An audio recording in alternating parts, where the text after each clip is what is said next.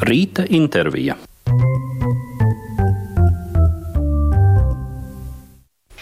Klasikas studijā tātad Gunda Vaivade un Elīna Garanča. Un Elīna Turīgā, protams, esi šodien tāda ļoti privāta iemesla dēļ, jo tavai mammai ir 75. atceres dzimšanas diena. Bet viņa tev, protams, bija ne tikai mamma, bet arī skolotāja un gan jau arī kā pirmais cenzors. Ko tu pa šiem gadiem, nu jau laikam astoņiem, esi sapratusi un iemācījusies? Jā, bez, nu, bez mammas. Bez mammas, protams, bija, bija ārkārtīgs šoks un, un um, satrieciens visiem mums. Protams, kā tu teici, pirmā recenzija, uh, pirmais kritiķis uh, pēkšņi vairs nebija, un tā kaut kā likās, nu, tagad esmu pati par sevi. Uh, savā ziņā tā bija tāda brīvības sajūta arī, jo nu nav telefona zvans vai nav pirmais komentārs labi, bet Bet tajā pašā laikā, protams, tu saproti to, ka nu jau tu tagad pats iesi un pats par sevi esi atbildīgs. Bet kā mēs no paša sākuma ar mammu jau vienmēr runājam par to, ka vienam viedoklim nav akli jāuzticās, un man vienmēr ir bijuši arī citi pedagogi un citi cilvēki, pie kuriem es esmu gājis uz konsultācijām, esmu meklējis um, repertuāru attīstībai pedagogus. Viņi arī zināja, mamma arī zināja uh, par manu pašreizējo pedagogu, pie kuras esmu braukus un devu tādu to savu svētību. Tagad zināju, ka nu, viena pati es nepalikšu, būs noteikti kāds, kuram uzticēties. Bet, nu, protams, ka man vēl joprojām pietrūkst tāds sajūts, ka nu, nodziedāts liels um, koncerts vai liela izrāde, kas ir bijusi translācijā, piezīmēt, pateikt, nu, kā bija. Nu, un kam Tas, tad tu piezvani nu, es noklausos pati, nu, es uh, šādu un tādu paprastam savam pedagogam, un, un um, šādu un tādu mēs, protams, ar tēti arī sazinamies, un, un tad tētis dod tādu to savējo viedokli, bet, nu, tētim ļoti patīk, ka viņš vienmēr man saka, tu neforsē un nedziedi par daudz. Nu, to es tā mēģinu arī, protams, pieturēt. Droši vien tādos sapņos un domās tās sarunas tomēr turpinās tev pašai ar mammu. Nu jā, nu viņa pati mākslinieca būdama, un es redzot to, kā šis process notiek mājās, cik daudzas reizes tas ir jāatkārto, ir tāds um, cenzors arī pašai no sevis, kad um, ir situācijas, ka man liekas, es jau novēri, novēroju no ārpuses, tu it kā iziet tādā uh, ārpus stāvokļa pozīcijā un sevi no malas skaties un novēro. Nu, protams, mūsdienās var ierakstīt uh, jebkuru izrādi vai jebkuru uh, koncertu un uzreiz noklausīties. Vienmēr, ja zinu, ka būs rādio vai būs televīzija, visus ģenerāla mēģinājumus un visus iepriekšējos um, skaņas pārbaudas ierakstos, visus vienmēr pieprasu un klausos un mēģinu arī šādā ziņā sev attīstīt. Bet redz, tagad tu ar distanci, un kā profesionāla dziedātāja patiesībā var novērtēt savu mammu, kā viņa dziedāja. Man jau likās, ka šis jautājums parādīsies. Bet es to nebiju plānojis patiesībā. Jā, nu ir interesanti. Es domāju, ka mums būtu par ko parunāt. arī tev varētu būt pirmā cenzora tiesības. Man arī varētu būt pirmās cenzora tiesības, jā, jo um, man jāatzīst, ka opera dziedāšana un, un arī, protams, um, ļoti sarežģītais uh, repertuārs kā belkanto salīdzinoši ar dziesmām, protams, ir savas nianses, uh, pie kurām ir jāstrādā un kuras ir jāattīst, un arī uh, skaņas produkcija, kas ir um, ierakstam, jo īpaši studijā pie mikrofona vai lielās koncertzālēs operālēs, vai arī, arī kaut vai Verdi vai Vāgnera operās, protams, tehniski ir daudz lietas, kas ir jāattīst un kas jāpilnveido un kuras ir jāpamaina. Anita ir arī ļoti daudz ierakstu ar latviešu mūziku mūsu fonotēkā, un es domāju, ka šajā ziņā viņa arī ar tevi ļoti lepotos, un patiesībā mēs visi lepojamies ar to, ka tu savos koncertos jau no sākta gala esi vismaz pa gabaliņam iepludinājusi arī latviešu komponistu mūziku, tagad paskatoties, nu, kaut vai Zaldzburgas vasaras tavu solo koncertu, kas būs 20. augustā, mēs redzam, ka tur vesela daļa ir deviņas latviešu dziesmas. Tur ir gan Jāzeps Mediņš, Alfrēds Kalniņš, Jānis Mediņš, Jāzeps Vītols. Vai tavuprāt, tā mūzika labi pieguļ tūlīt sekojošajam Rihardam Strausam? Tas savā veidā, protams, ir arī tāds liels izaicinājums un varbūt pat risks. Nu, risks varbūt arī nē. Es nezinu par risku šī teiksim, no muzikoloģijas puses. Mazāk to pētu. Man ir sajūtas, iekšējās, ar kurām es gribu komunicēt, un tāda pārliecība, ka es uzskatu, ka mūsu tiešām dižgari muzikālajā ziņā ļoti labi sadara ar jebkuru romantiķu vai, vai pēdējā gadsimta komponistu mūziku, un es tieši uzskatu, ka tāds mediņš vai dārziņš ļoti labi saskan kopā ar Rihardu Strausu. Mēs, protams, zinām, kur mūsu komponisti ir mācījušies, no kādas mūzikas viņi ir ietekmējušies, un es uzskatu, ka ir laiks tiešām šo mūziku arī iznest kaut kur citur, no, no ar ko, piemēram, Beatles sliktāks, piemēram, ir ar, ar to pašu strausu vai, vai māleri. Protams, varbūt citas dimensijas vai kaut kas, bet tā tomēr ir mūsu identitāte, tā ir mūsu iekšējā pasaule, tā ir valoda. Protams, ļoti daudz cilvēku nemaz tādu latviešu valodu nav dzirdējuši. Man arī jāatzīst to, ka ļoti daudz šie koncertu zāļu direktori arī saka, mums vajag jaunu materiālu. Nu, cik var klausīties Brāmsa dziesmas, nu, cik var klausīties visu laiku vienu un to pašu Vāgneru vai, vai Māleru. Nu, tā ir tāda iespēja, protams, arī iznest latviešu komponistus. Un tu um, piebildi to, ka mamma tiešām ārkārtīgi daudz dziedāja latviešu uh, mūziku, un pirmatskaņojumi viņai tiek rakstīti. Es joprojām atrodu notis, kur ir rakstīts veltījums Anitai vai mīļajai Anitiņai ja, no, no komponistiem, kas ir bijusi. Un tik daudz melodijas atšķirnots, o, interesanti. Un es sāku spēlēt un klausīties, domāju, nē, nu es to gabalu taču pazīstu. Un man ir skaidra atmiņā un, un pilnīgi vizuāli uh, redzu, kā mamma gatavoja šos koncertus, kur viņas, viņas dziedājas visās iespējamās koncertu zālēs. Ir tāds varbūt arī sentimentāls. Uh, jā, ceļojums arī priekš manis tieši pašlaik, jo liekas, ka arī um, tāds nozīmīgs vecums sāk tuvoties pamazām un kaut kā tāda nepieciešamība ir tiešām ļoti tuvā kontaktā ar šo mūziku sastapties. Pavisam drīz Deutsche Gramofon ledīs klajā arī jaunu tavu albumu, un arī tur es skatos ir iekšā latviešu mūzika. Jā, tas arī man bija ļoti svarīgs. Bija, mēs bijām rakstījuši arī ar Maestro Pauli jau pirms kāda laika, bet izrādījās, ka ir dažādas sistēmas, kā šī mūzika tiek ierakstīta, un Deutsche Gramofodam kaut kāds tas ātrums vai celiņš vai tā programma nederēja no pagājušās reizes, un tad mēs šoreiz speciāli ierakstījām arī dažus. Un kas tur vēl būs? Tas ir tāds zālīts, laikam, jā, jā tas ir zālīts, nakts ir, un, un, jā, tas ir, kad pienāk vakars vai kad pienāk nakts. Tāds ceļojums nedaudz faktiski dažu stundu garumā. Tā doma bija, ka cilvēks atnāk mājās no savu darbu, no savu skrējienu, no pārbrauciena, tā pamazām, pamazām aiziet uh, sapņu pasaulē. Un pēdējais gabals mums ir akapela Aijā Žūžu Lāču bērni, kas man bija ļoti, ļoti svarīgi, jo ar šo dziesmu man ir tāds pirmās atmiņas no manas omas. Šo dziesmu es dziedāju saviem bērniem, un man liekas, ka tieši akapela tādā izskaņā būtu labs noslēgums.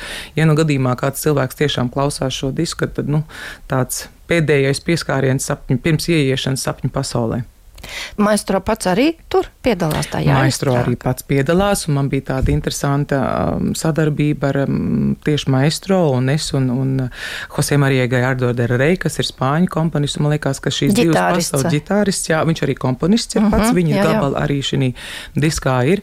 Un man liekas tik jocīgi, ka tā kā, nu, dzīvoja Latvijā un dzīvoja daļai arī Spānijā, šīs trī, divas pasaules faktiski ar mani kā tādu piramīdas vienu no uh, punktiem faktiski tā salikt kopā. Un, un tas bija tiešām ļoti interesanti sadarbība. Un tieši šī enerģija, kas tika maisīta studijā, bija kaut kas īpašs. Jā, nu viena no tavām mājvietām šobrīd ir arī Austrija, Vīne. Un eh, tu nu pat iedziedāji 66. operas balli, un paskatoties visu, kā tas notika, arī raidījums internetā, nu, tas ir viens īpašs notikums un atsauksmes eh, no cilvēkiem, kas bija klāt vai skatījās televīzijas tiešraidi, ir tiešām lieliska Selīna Garanča virsotņu virsotne. nu, tur ir 5000 viesu un, un 400 policisti visapkārt un ap 400 vairāk ziedu pušķi ar eh, īpaši rozā rozēm, pink Floyd centrā. 180 deju pāri un 600 strādnieki visu to ir iekārtojuši lēnā garā un ļoti ātrā tempā 21 stundā pēc tam visu to zāli novākuši un saskrūvējuši atpakaļ krēslus. Nu, liela darīšana un augsti viesi, tā skaitā starp citu arī Igauņa premjerministre Kāja Kallasa un uh, Somijas un Beļģijas ārlietu ministre, protams, vietējās prominences un, un Elvis Preslija atraitne, Priscila Preslija un daudz daudz un daudz un visa kā tur apkārt. Kā tu pati jūties šajā uh, milzīgajā pasākumā, kur tie tūkstoši vērš skatu uz tevi centrā? Un tu esi faktiski tā vakara zvaigzne. nu jā, nu tas tiešām ir milzīgs pasākums. Šī bija man trešā reize. Um, un katru reizi kaut kā tās iespaidi tādi arvien jocīgāk un jocīgāk paliek. Jo pirmajā reizē, es atceros, piektajā gadā mēs ar mammu skrējām pa veikaliem un meklējām pareizo kleitu. Toreiz dziedāja ar Marčelo Alvares un, protams, mēdīju uzmanība, kas tiek pievērsta, ir ārkārtīgi milzīga. Un es atceros, ka uh, tā sajūta bija pilnīgi neaizmirstama. Mēs ar mani uh, vēl toreiz nebija vīri, sadarināto ar Karelu. Mēs vēl uh, divos naktī ar visiem kopā vēl, uh, mēģinājām izstaigāt slaveno kvadriļu, kur visi tie pāri dejotājiem pēc norādījumiem tur pa labi, pa kreisi uz riņķu un uz priekšu un uz apakaļ. Pēc tam 11. gadā, kad es dziedāju, es biju stāvoklī jau ar Katrīnu, neviens nezināja, bet bildīt ir, kur mazs biedriņš vēl ir redzams. Un tagad, un, protams, tā mm, apzināšanās, kas tas ir, aug. Un arī tas spiediens um, piepildīt tādu to gaidīšanu, protams, arī aug. Ja? Un es sapratu, to, ka trīs, visas labas lietas ir trīs, un vairāk gan es to negribu.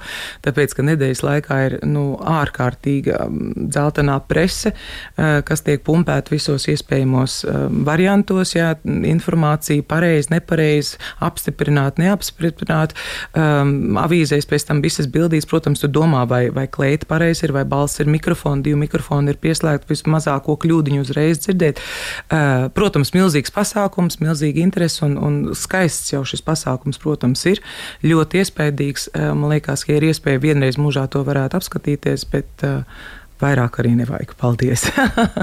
tu dziedāji Ebolī, kanconetu, jā? Jā, es dziedāju um, plīvurā arī, uh, un uh, tā bija izvēle no teātra, jo tiešām šo 66 gadu garumā viss kaut kas ir izdziedāts. Faktiski programmas salikums bija vairāk nāca no teātra vadības, jo viņiem vajadzēja, lai tur kaut kādā sistēmā, kas tur uh, iekļaujās tās pareizās ārijas un arī duets, kas bija pirmatskaņājums operas balē, kad divas dāmītes dzied kopā tieši Barkarolas duetu mēs dziedājām. Nu jā, un Nākamajā reizē, ja gadījumā sanāks būt vīnē, es jau kā skatītājs varbūt, varbūt ieradīšos un pabaudīšu. Tev bija arī jādejo pašai ar Bečelu kopā? Nu, mums bija tāds, jā, viņš teica, ka tur ir tāds starpspēle tenī Granadā, kuru mēs abi esam dziedājuši kā solo gabalu savos koncertos, bet bija tāda ideja no teātra, ka varētu uztaisīt kā duetu, un tad tur bija tāds starpspēlīt, un Bečela teica, mums jādejo. Es teicu, nu, ko te tagad dejosim, bet, nu, tā tā labi sanāca. Bija, bija Niko, Niko, kas gatavoja kleitu, pielikt mazu plīvuriņu, tad to norāva, un tad kolēģi uzurāja. Nu, smieklīgs pasākums bija, bet bija jauki. Jā, nu skaidrs, ka tas ir ļoti grezns pasākums, un vienmēr jau arī sabiedrībā domas dalās par to. Nu, piemēram, teica, kā var maksāt viena loža uz šo vakaru 24,000 eiro. Ja? Bet bija arī e, pieejamas biļetes, nu cik pieejamas, bet vismaz pieteikties varēja arī par ļoti lētu naudu kaut kur galerijā. Bet skaidrs, ka uz ielām tur bija dažādas protesta akcijas, protams, arī no zaļo puses, kā vidas aktīvisti un savas tiesības vien proponēja, tur bija arī palestīniešu aizstāvībai akcija, bet uh, katrā ziņā arī par pašu balli runājot, tad uh, es saprotu, ka daļa no ienākumiem tiek uh, veltīti arī Ukrainas atbalstam, un arī Ukrainas krāsas parādījās arī deju priekšnesumā, un arī Ukraiņu mūzika tur skanēja. Un, uh, Pirms brīža, esot Bādišlā, kas ir, kā zināms, Eiropas kultūras galvaspilsēta, es eh, mazliet eh, aprunājos ar vienu savu kolēģi no Austrijas, austrieti, un eh, vaicāju, kā viņi Austrijā izjūt to Ukrainas situāciju. Un man bija liels pārsteigums, ka viņi atbildēja, ka Izraēla viņiem šķiet daudz tuvāk. Un ar to saprotot to joprojām gruzdošo vainas apziņu ebreju priekšā. Un tad viņa, protams, vaicāja, vai mēs Latvijā baidāmies no kara, es teicu, jā, ka Krievijas robeža ir ļoti tuvu. To Elīna pavadi laiku dažādās pasaules daļās, gan Austrijā, gan Spānijā, gan visur, kur tu koncertē, un tavas mājas ir arī šeit, Latvijā. Un es gribēju vaicāt, kā tu pati jūties, kā tu šajā situācijā sajūti pasauli, sajūti pati sevi un ko tu varbūt dari. Jā. Lai kaut kā palīdzētu, gan sevi nomierināt, gan izdarīt kādu labumu citiem. Nu, jāteic, es domāju, ka jebkurš latviečs um, saprot Ukraina tā kā ne austrietis, ne vācietis, ne spānietis, ne itālis saprot Ukrainu. Ja? Un es domāju, ka šī absurdā situācija, tā kā tu teici, ka Izraela liekas tuvāk, acīm redzot, ir vēl joprojām tas mākonis no Padomju Savienības, kur daži cilvēki īstenībā nemaz nezina, kas tajā lielajā Padomju Savienībā ietilpa un cik daudzas neatkarīgas valstiņas tika pakļautas šam spiedienam. Pavisam nesen bija um, Draizat Vācijas programmā, televīzijas programmā brīnišķīga um, divdaļīga dokumentālā filma par trīs Baltijas valstīm. Saucās Trīs ērkšķi Krievijas miesā. Un viņš gan bija diezgan vēlu šī programma rādīja, bet pēc tam es saņēmu ārkārtīgi daudz uh, zīmītes, ja, un arī telefonu zvans no draugiem, no kolēģiem, no cilvēkiem, kurus pazīst. Viņi teica, mēs nezinājām, šīs saknes, kas Baltijas valstīm vispār ir bijušas, un ļoti daudz bija pārsteigti par to, kas mēs esam un kas ir mūsu vēsture. Joprojām pēc 30 gadiem. Vēl joprojām pēc 30 gadiem, jā, viņi teica, pilnīgi nesaprotami un neticami, kam jūs esat izgājuši pāri um, tieši vai cauri tieši pēdējo 30 gadu laikā. Un, protams, palasot ziņas, uh, man ir rodās ārkārtīgas dusmas un, un bezpalīdzības sajūta, un gribās kliegt, un gribās visiem šiem bravurīgajiem gudrniekiem, ja, kas, kas mēģina pakļaut Ukrainu un tiešām uh, apspiest šo zemi un ieklīgt sejā un pateikt, ko tu vispār dari, un, un emocionāli redzēt šos video par nogalinātiem bērniem, zīdaiņiem, par, par cilvēkiem nošautiem uz ielas, par niedrgāšanos, kādu vispār ir pret cilvēku, tas ir kaut kas, prātam, neaptverams. Ja. Un, uh, nu, cik jau mēs varam palīdzēt, tieksim, tie, kas esam pasaulēs runāja par to, un es uzskatu, ka, ka arī daudz mani kolēģi uh, mēģina izlavierēties un, un sēdēt uz šiem diviem krēsliem, un es cenšos šo jautājumu tomēr pacelt, mana nostāja nav mainījusies šī ziņā, un, un es uzskatu, ka cilvēkiem ir jādzird un jāzina, kas notiek pasaulē. ebreji un, protams, Izraēla. Es domāju, ka šis lāsts un, un, un šī bagāža, kas nākusi caur Hitleru, ja, acīm redzot, vēl joprojām ir ārkārtīgi liela un smaga. Ja, un, un citi varētu teikt, nu jā, ko nozīmē daži tūkstoši salīdzinoši ar miljoniem, bet es domāju, ka uh, lielākā daļa Eiropas vēl nav sapratusi, kas šis monstrs. Uh, Krievija ir un, un visa viņa vadošā elite, tā teikt, ar ko vispār pasaule sevi ir konfrontējusi un kas vispār vēl var notikt, jo viņi dzīvo tomēr tādā pagātnē, kas ir daudz vairāk gadu desmit, un lielā, liela daļa šīs paaudzes vienkārši nesaprot vai nav pat vēl piedzīvojuši, kas ir, ja viņiem liekas tas tik sen. Mēs jau ļoti labi zinām to, ka daudz cilvēku runā par to, jā, cik jauki tomēr bija padomju savienībā, un acīm redzot ir aizmirsuši, ka stāv, stāvēja rindā pēc tūlēts papīra un, un divas bunģiņas zirnīšu taupīja jaungada Rosolam. Un, Un nu. runāt varēja to, ko runāt, un viss jā. bija jāatrāda nu, glavļitam. Jā, aizmirsuši bija, ka kaimiņš varēja jebkurā laikā piezvanīt un tā teikt nostučīt. Jā, un es ceru, Elīna, ka tavi adītie cimdiņi arī silda šobrīd Ukraiņu karavīrus. Nu jā, tā ir tāda man, zeķis, zeķis, jā, nu, nu, tā ir tāda man plakus nodarbošanās, jo es nemāku uh, sēdēt tikai ar notīm uz ceļiem un mācīties, man kaut kas ir jādara paralēli, nu es ādu zeķis, tāpēc, ka tur ir um, diezgan automātiski tā kustība, un man liekas, ka divu darbiņu padarīt vienlaicīgi, un tad es viņus biju sādījuši, jo tik daudz opras bija jāmācās, kamēr vien iemācās vienu parsifālu, paiet ilgs laiks, un Tad uh, mājās gan teica, gan, gan um, tēta sieva tagad izdomāja, ka ir uh, jānosūta ukrāņiem zeķis, un es biju tiešām ļoti, ļoti gandarīta, ka manis adītās vilnas, tīrās vilnas zeķītes arī palīdzēja šiem cilvēciņiem uh, cīnīties ar monstru. Skaisti, paldies tev par to. Un tagad, man liekas, Elīna, ir īstais brīdis, lai mēs nomierinātu Latvijas tautu. jo tajā pašā raidījumā brokastis ar mani Austrijā.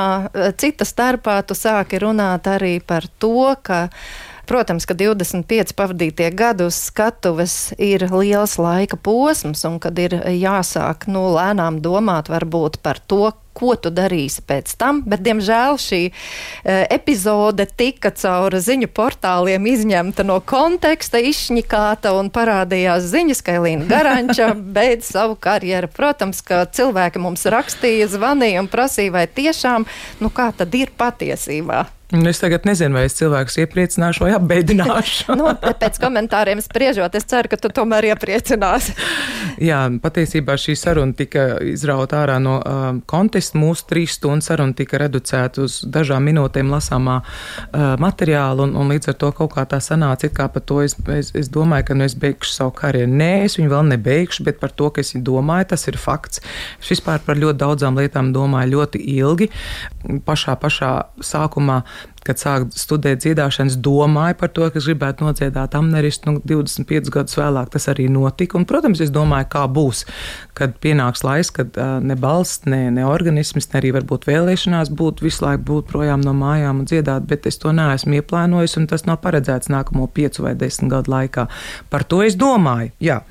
Um, jo es skatos uz saviem citiem kolēģiem, kas ir beiguši ar piecu gadu atvadu turnējām, un ir bijuši kolēģi, kas nodzied pēdējo izrādi, nevienam neko nepasakot.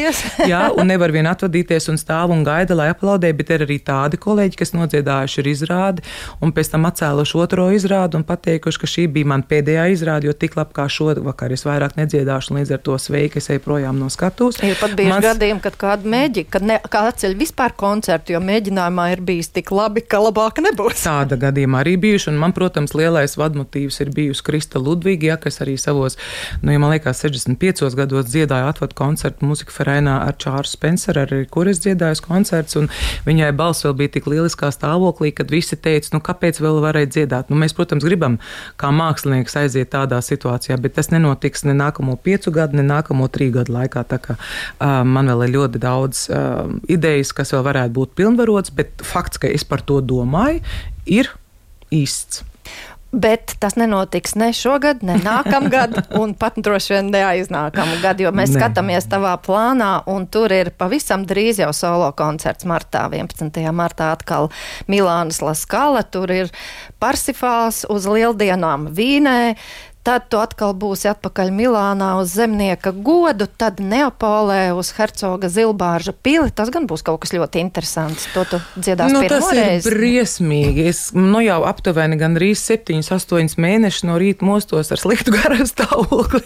Tāpēc, ka jāmācās ir ungāra valoda. Man uh, ir, nu, cilvēks saka, zināms talants uz valodām, un es viņu diezgan ātri arī ķeru, un man ir sava sistēma, kā es mācos tekstus, kā es uh, lieku, teiksim, schematiski, matemātiski tekstu vienu pēc otra, kad atsaucās ģi un kad atsaucās kā, un vai uh, frāze sākās ar, ar patskanu vai ar līdzskanu. Un, un šī gadījumā Ungāru valodā man nav nekādas sistēmas, kā šo valodu iemācīties. Ir vienkārši fonētiskā galvas zubrīšana. Man, protams, ir iztulkots uh, jebkurš vārdiņš, kas tur ir, un man ir uzrakstīts, un man ir ierunāti pat no ungā, ungāru cilvēciņiem dziedātājus un vienkārši um, draudzenes, ja, kas uh, pārvalda un ir viņu dzimtā valoda, un viņi man ir ritmiski ierunājuši, un viņi ir sarunvalodā ierunājuši šo tekstu. Nu, nevar iemācīties. Nu, tik ārkārtīgi kaut kā jocīgi šī valoda ir, bet nu, ar katru dienu kopā jau tad. Ar mūziku, jā. Nu, ja tu esi dziedājis Rihards Strauss un tu esi dziedājis Vāgner, patiesībā tīri muzikāli iemācīties nav problēma. Jā. Šis repertuārs vai šī opera man, teiksim, šī ziņā ir gatava jau, un visa lieciena ir izpētīta un iemācīta, bet nu, tā valoda, tā valoda. Bet nu, neko nevar darīt, viss ir sagatavots un mājā ir līdīšu skatus. Nu, ļoti labi, būsim klāt tur. Patiesībā ārkārtīgi skaists gabals ar emocionālu un arī muzikāli. Man ļoti, ļoti viņš patīk, un arī spēlēt, protams, būs ārkārtīgi interesanti. Kšištofs Varļakovskis, kur es tiešām dievinu, būs ir um, režisors, un viņš ir iestudējis šo gabalu, jo man ir video no viņa, un, un uh, es domāju, ka tas ir tiešām ļoti, ļoti efektīvs iestudējums.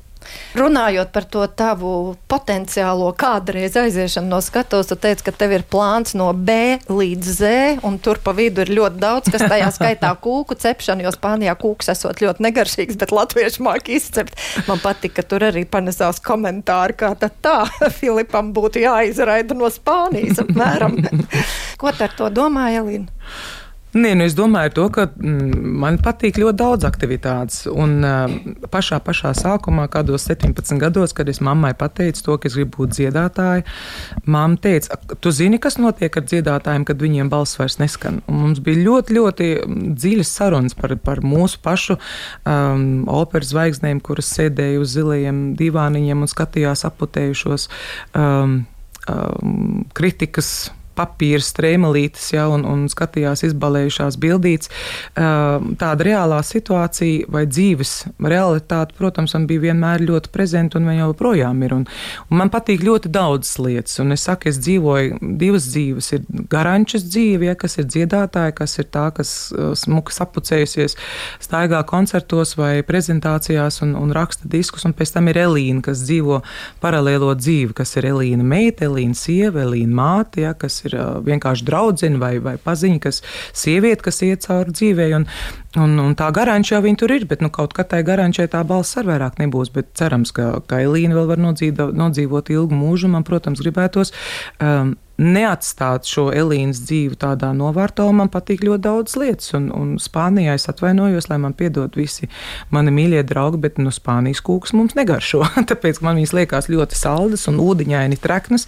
Pēc gabaliņa pielīp tas sviests vai tā eļļa pie augšslējām un kaut kā trinās, nu kaut kā nav. Un, ja padomā par mūsu medus kūkām vai padomā par mūsu um, lauku kūkām un arī tavējā gundiņa, tava kūka ar tavām 14 olām un uzkultajiem bizē virsū, nu tas taču ir fantastika. Nu, kāpēc ar to nevarētu nodarboties? Nu, Latvijas māca visu, ko izdomāt. Jā, tas ir taisnība.